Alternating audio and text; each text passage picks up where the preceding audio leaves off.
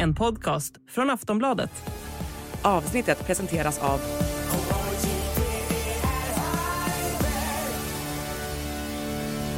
Stödlinjen.se, åldersgräns 18 år.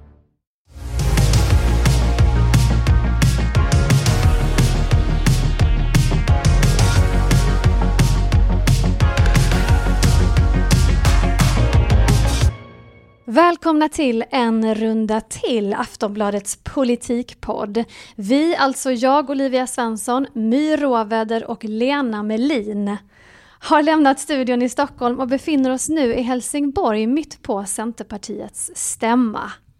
Vi sitter en våning upp från lokalen där Annie Lööf nyss har kastat in handduken och Muharrem Demirok fångat upp den, kan man säga. Det kan man säga. Ja, säg hej till våra lyssnare. Hej!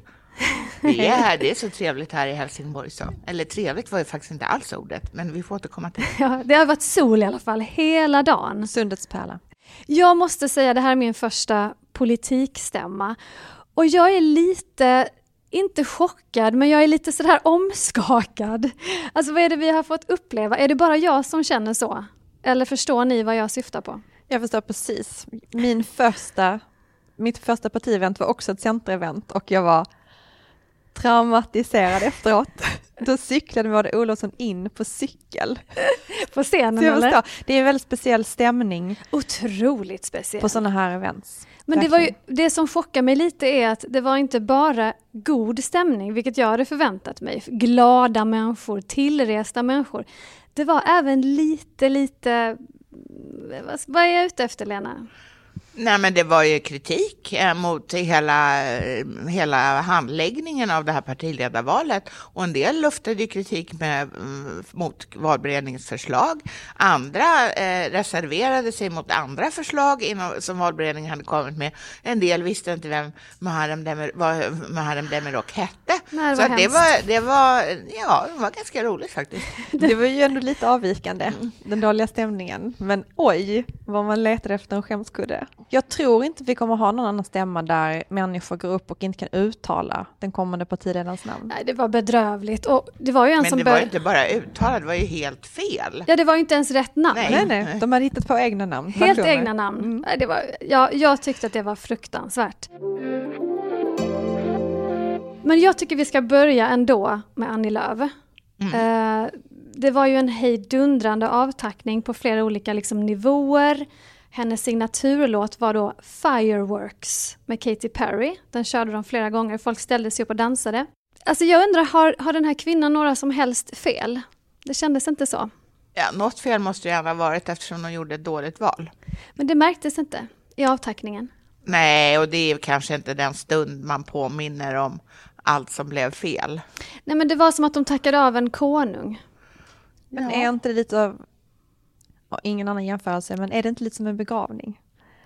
Att det är Ah. de goda sakerna man minns för att man har möjlighet att gå vidare. Men en sak som de inte tog upp som hon gjorde väldigt bra, men som kanske partiet i övrigt vill eh, glömma bort, det var ju när hon avbröt sin bröllopsresa för att ta itu med den, den enorma kris som Centerpartiet hade störtats i på grund av ett förslag till nytt idéprogram. Just där bland det. annat förekom månggifte och andra så här vilda idéer som ju kan på idéstadiet kanske ter sig väldigt eh, roliga men som ju skadade Centerpartiet enormt mycket, men där hon ju fick sin fick gå igenom ekluten. Det var ju hennes verkliga inträdesprov till att vara partiledare, men det, det togs inte upp idag. Det fanns ju, finns ju ett stråk av nostalgi hos henne. Det här med att hon pratade om alliansen och hur stolt hon var över allianssamarbetet och hur mycket det har präglat henne. Och det är ju så att det är ju nästan det hon bär med sig då. Det är ju, känns ju väldigt passé. Det känns som om vi har gått vidare så långt sedan dess. Och trots det så är det liksom det som hon har med sig som någonting som hon, eh, som är liksom grunden till hennes partiledarskap. Det är ju en helt annan politisk verklighet nu och på det sättet så kändes det ju kanske ändå dags för henne att lämna. Att hon lämnar, hon tillhör en annan tid och nu kommer någonting nytt såklart att det måste bli nostalgi när man har suttit så många år som partiledare och det är klart att man också måste tackas av men jag vill ändå säga att det har varit en väldigt lång och utdragen hejdå-process som vi har fått uppleva sen Annie sa att hon skulle sluta. Alltså nog, det är den längsta avvecklingsperiod man har varit med om, tycker jag, av en partiledare. För den har ju pågått nu sedan dagarna efter valet i september, då när hon meddelade att hon, inte, inte, att hon skulle avgå helt enkelt. Och att hon var färdig med det här jobbet efter drygt 11 år som partiledare. Och, men sedan dess har det ju varit ett, lång, lång, ett långt, långt avsked. Ett väldigt långt avsked. Ja. Och det, alltså, är det inte liksom bättre att sikta framåt istället för bakåt? Är, det farligt att, att som parti vara för nostalgiskt? Jag tror att parti, för parti, ett parti är det jättefarligt. Nu tror jag faktiskt inte att Centerpartiet har fört fullt lika nostalgisk som Annie Lööf själv. Okay. Eh, och eh, det Eh, ja, nej, så att de, de har nog inte varit... Eh, visserligen så verkar många tycka att det, att, det, att, hon, att det är tråkigt att skiljas från henne som partiledare, mm. men jag tror ändå att de tar det med större fattning än...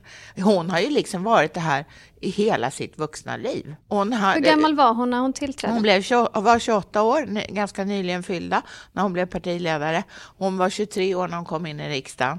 Alltså, eh, och nu fyller hon 40 i, mm. senare i år. Det är, och under den här tiden har hon inte gift sig, för det gjorde hon precis innan hon valdes till partiledare, men också fått två barn. Så att det är ju verkligen hela hennes vuxna liv. Men hon har också gjort det bästa av den här avskedsturnén, för att jag tänker att det är inte så ovanligt ändå att det tar några månader att få en ny partiledare på plats.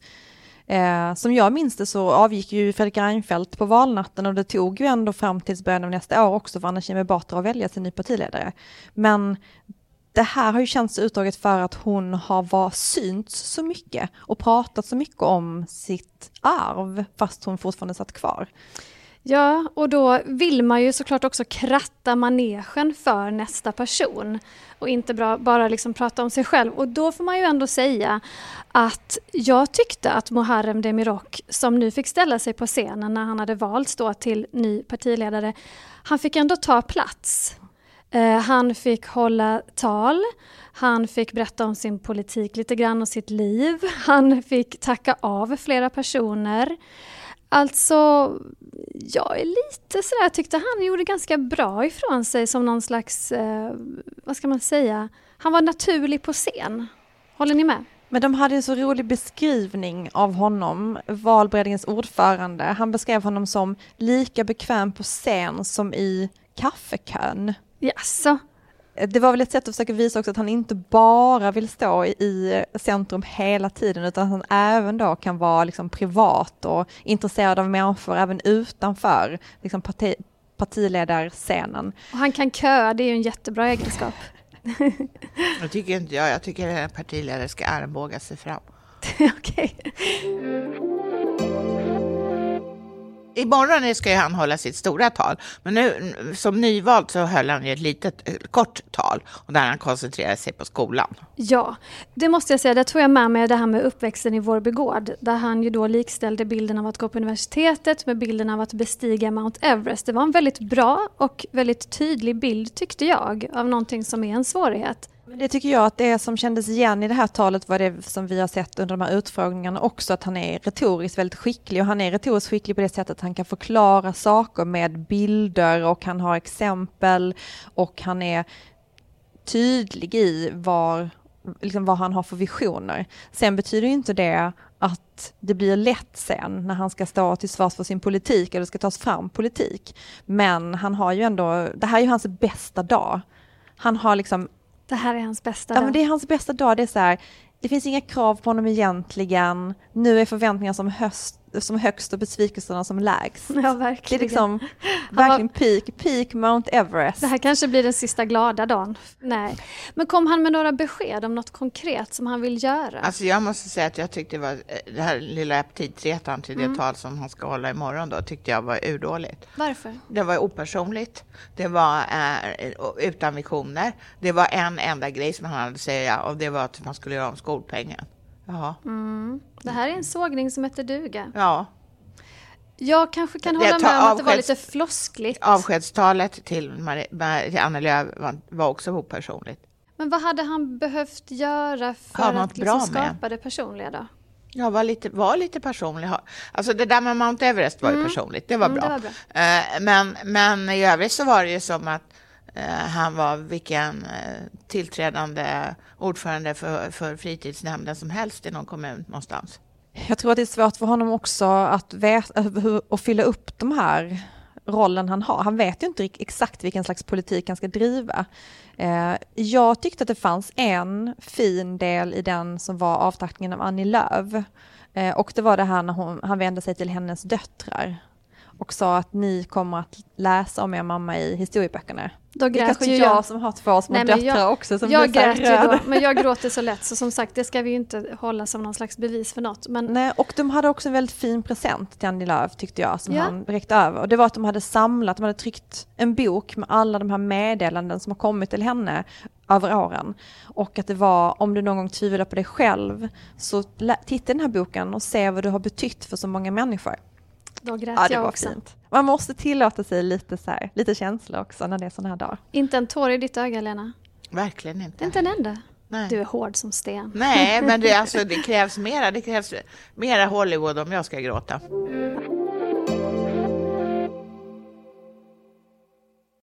Men en sak som jag har suttit och funderat på idag, förutom alla som, grejer som vi redan har nämnt, det är varför man överhuvudtaget vill bli partiledare. Det är ett hårt och utsatt jobb. Det har ju inte minst Annie fått uppleva och vittnat om många gånger. Man är ständigt under lupp, man måste vara tillgänglig hela tiden. Man måste driva sin politik framåt och så vidare och så vidare. Vad är det för typ av människa som liksom går igång på det? En konstig människa. En konstig människa utvecklar Lena. En avvikande. Nej, men alltså, det, det, det vet ju alla som har sett en partiledare i arbete, att det, att det är ju fruktansvärt hårt. Och då, det spelar ingen roll hur stort eller litet partiet är, det är, det är otroligt hårt i alla fall. Lite omänskligt nästan. Ja, och man måste... Alltså jag, jag tror att man måste ha nästan någon typ av defekt för att uppskatta det livet år ut och år in. En defekt. Ja, jag, jag, eftersom jag inte är psykiatriker så kan jag inte s- svara på vad det är för typ. Men det, alltså, det är ju någonting som gör att de flesta människor aldrig skulle hoppa på ett sånt här jobb. Är det någon form av masochism? Nej, Mera tror jag faktiskt någon, mm, nej, mera att man har en väldigt hög tanke om sig själv. Och inte hatar att stå i centrum. Ja, det får man ju såklart absolut inte göra. Då kan man ju inte last a day. Men du har ju varit inne, väldigt inne på det här med vinnarskallar, My. Mm, ja, men jag tror att man måste ha det för att också vilja vara en partiledare. Man måste liksom vill kämpa tävla. mot toppen och tävla mot andra för att ta sig dit. Och jag tror att det är en, ändå en någon slags röd linje i de partiledarna vi har nu. Att många har varit idrottare, att många fortfarande Oh, utmanar sant. sig själva idrottsmässigt då, om vi tänker på Ulf Kristersson som springer. Och det Magdalena. Exakt, som har varit eh, simmare. Nooshi Dadgostar har också varit simmare. är ju den Väldigt bästa sant. sporten. Men, eh, nej, men att det finns någonting i det här med att eh, liksom, de säger att det är ett, lag, ett lagarbete, men det är ju inte riktigt det på vägen upp till toppen och sen på toppen så är det ju inte riktigt 100% ett lagarbete heller eftersom man är en ledare. Men om man skulle kunna vara snäll så skulle man kunna säga att man drivs av ideologin, av att hjälpa människor, av att förändra världen. Så är det ju absolut i botten. Det är ju inte så att man, nej, alltså, i botten ligger ett politiskt engagemang. Annars så är det ju helt omöjligt att ägna sig åt det här. Som eh, att, vara- att liksom ta sig mot en partitopp. Men det måste kanske också då kombineras med en, ett, ett, ett annat driv. Någonting annat. Ett, är det ett maktbegär kanske? Jag tror att mycket handlar om det här att man vill förändra samhället på olika sätt, att man har väldigt starka ideologiska drivkrafter för hur man tänker att det ska vara. Sen tror jag också att man måste ha, det finns ju också omständigheter kring en person som blir partiledare. Jag tror inte att det är liksom en, bara eh, ett coincidence att han, Muharrem eh, tackar Annie Lööfs familj, att han själv tackar sin egen familj för att han får chansen att göra det. För att det är ju ett otroligt hårt arbete, det är ju dygnet runt. Det här är ju inget vanligt jobb man har, det är ju inget jobb egentligen.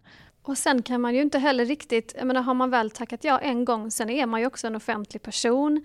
Man kommer att dras upp i framtiden, det kommer fortfarande finnas ett visst fokus även när man är en avgående person. Men det person. kan nog avta ganska snabbt. Det tror jag vi kommer att se med Annie Lööf, att intresset för henne kommer att avta ganska snabbt ändå i offentligheten. Så det tror jag, man kan avgifta sig. vi skickar henne på avgiftning. Men jag vet att Lena, du har ju också tagit upp när vi har pratat att det är ju samtidigt ganska svårt att hitta kandidater. Så jag menar, det finns ju människor som drivs, som vill bli partiledare, ja, men, alltså men de, inte tillräckligt många kanske. Nej, alltså de som har den här defekten, de, de, de, eh, växer inte på träd. Nej. Utan det är ju snarare så att de flesta partier har ju problem att hitta en partiledare som är villig, eller en som är väl, villig att ställa upp och kandidera eh, och, och ha chanser att bli vald och, och att partiet tror att det blir en bra person. Och då mm, var det så till exempel när det slutade med att, att uh, Göran Persson valdes till partiledare efter Ingvar Carlsson då i Socialdemokraterna, så var det, hade de ju stora långa seanser på statsrådsberedningen där, där människor grät och sa nej men jag vill inte till exempel så, dåvarande socialminister Ingela Thalén, hon vill absolut inte. Och det hade, hon var utsatt för en extremt hård övertalningskampanj. Mm. Men eh, och till slut så blev det ju då Göran Persson och han sa ju också nej in i det längsta. Du tror jag att han till slut när han var där eh, på jobbet så var, tror jag inte att jag tror inte att han ångrar att det blev han. Det är jag helt övertygad om att han Men inte sen var det ju likadant eh, efter Håkan Juholt, om vi nu håller oss till Socialdemokraterna, alltså då var det ju inte heller någon som ville bli partiledare.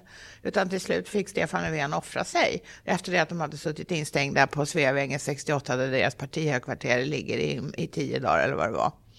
Och till, någon måste ju bli. Och Någon måste det ju bli. Ja. Och även i Centern nu så fanns det ju inte, det har vi också pratat om, det fanns ju ingen klockren kandidat. Alltså det har tagit ett tag att vaska fram och vi trodde ju länge, länge att det inte skulle bli Demirok och så står vi här ändå idag.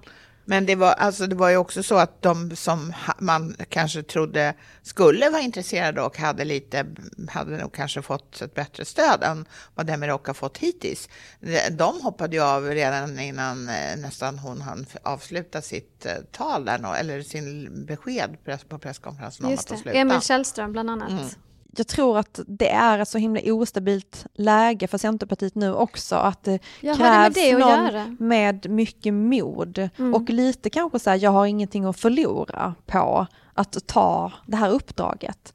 Det är, liksom, det är okej om det kanske inte varar för evigt och inte ha som ambition att bli en långvarig partiledare för Centerpartiet, vilket jag tror att Emil Källström kanske har i i en annan, alltså han har kanske lite större ambitioner där. Eh, och då är det ett ganska skakigt läge att hoppa på. Men är det inte på ett sätt också en guldsits då, därför att Demirok, han hoppar ju ändå på den här kärran när den är lite grann ganska långt. Det är ju, de, är inte, de är ju inte på sin höjd. Är det inte också lättare då att kunna säga liksom att men nu ska vi försöka lyfta? Ja, men vet, vet du vad? Jag ja. tror att det är helt rätt att det är, så kan det vara. Men då kan man inte gå ut och säga att det första jag ska göra är att ändra på skolpengen. Nej, det var inte det sexigaste man har Nej, hört. speciellt så, som man inte har någon majoritet för det vad jag vet. Och särskilt eftersom man inte behöver ha en nyhet den dagen som man väljs. För nyheten är ju att man är Precis. vald ny partiledare. Alltså jag tänker ur vårt perspektiv, liksom ur mm. nyhetsmedias perspektiv, så behöver man inte komma med en nyhet på en sån här presskonferens. Och det är inte så att Centerpartiet eh, är emot att hålla presskonferenser där de inte presenterar nyheter. De har vi ju varit på många gånger. Så att det var, ja han kanske, han ville för mycket idag tror jag.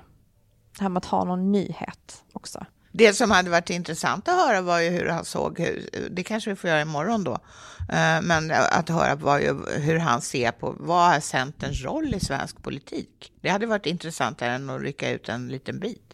Jag hoppas verkligen att vi får höra det imorgon för det är ju precis just där det brinner och, och bränner till.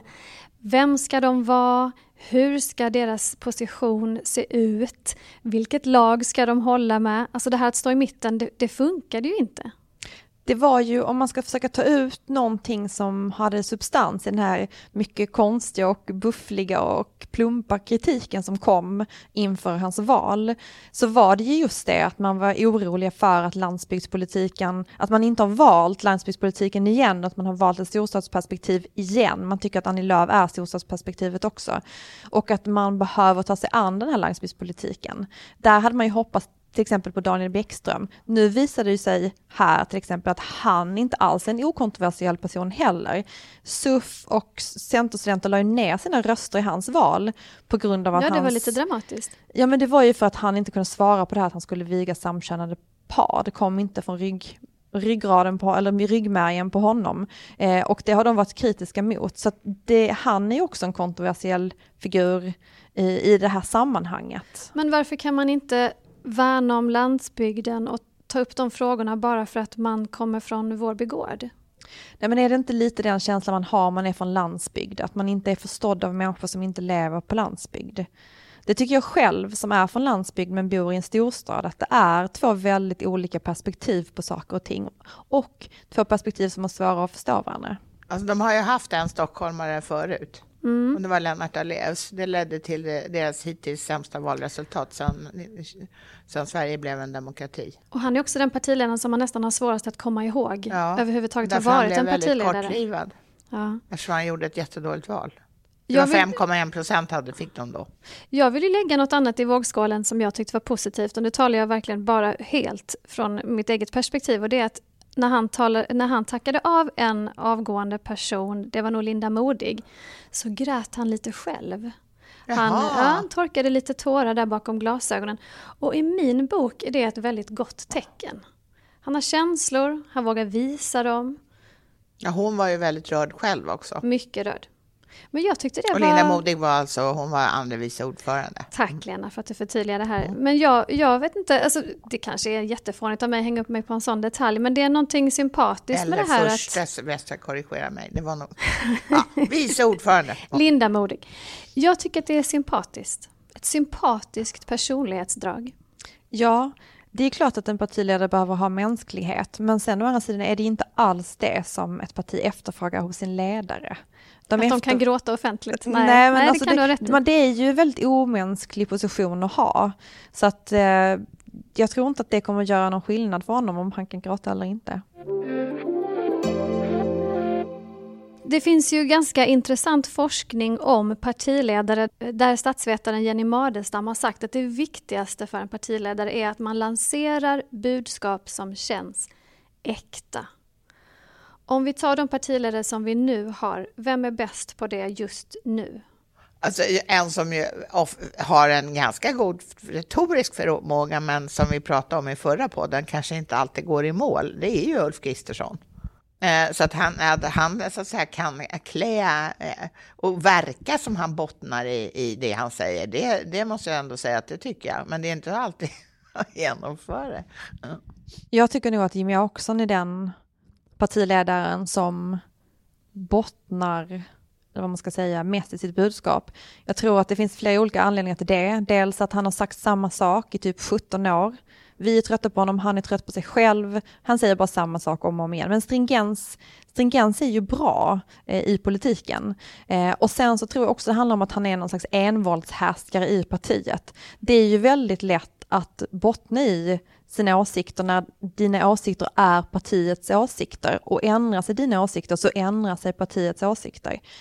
Eh, så att han har det ju lättare på det sättet. Det är svårare för ett parti som Centerpartiet, som är folkrörelse, där det handlar mycket om förankring. Att en partiledare måste också ta tillbaka politiken till partiet och det ska utformas på ett sätt då som partiet är nöjda med och sen ska man förmedla det och då är det ju inte alltid exakt den positionen man, de själv hade.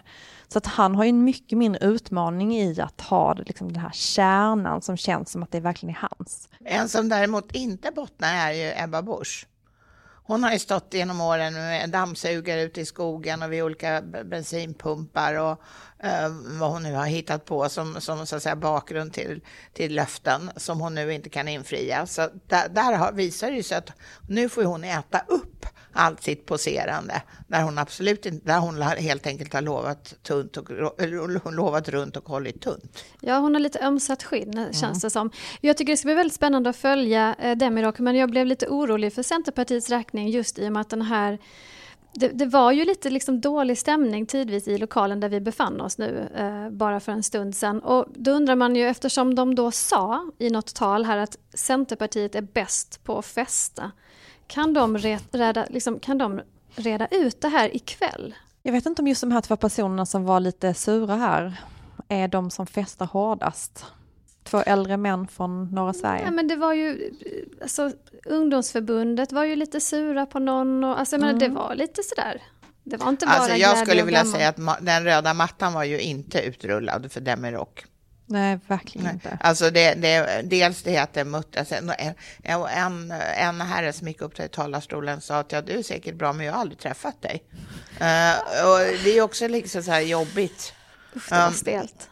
Ja, speciellt som det, verkar, det brukar ju vara det som blivande partiledare som vill ha jobbet gör. Det är ju att de håller på och reser år ut och år in innan den här magiska ögonblicket att ska väljas en ny partiledare kommer och besöker varenda partiförening och skakar alla händer som finns. Han sa ju att han hade varit överallt i princip. Ja, men det hade han ju uppenbarligen inte eftersom inte den här mannen hade träffat Han glömde en ja. stad någonstans. Han Robert, glömde Robertsfors verkar det som. Ja. Vilket ju är extra konstigt eftersom Maud Olofsson bodde där jättelänge. Jag tycker det är ganska lätt hänt att glömma Robertsfors, med all respekt för Robertsfors. Ja, men men jag ska ju inte heller aspirera för att bli partiledare. Nej, och, och du kanske inte tänker på att Maud Olofsson bodde där.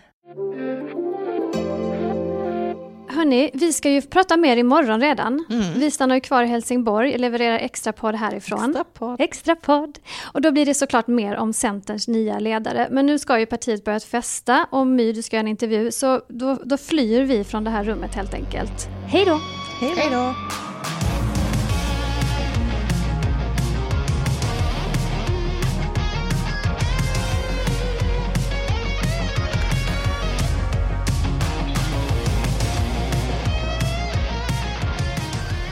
Du har lyssnat på en podcast från Aftonbladet. Ansvarig utgivare är Lena K Samuelsson.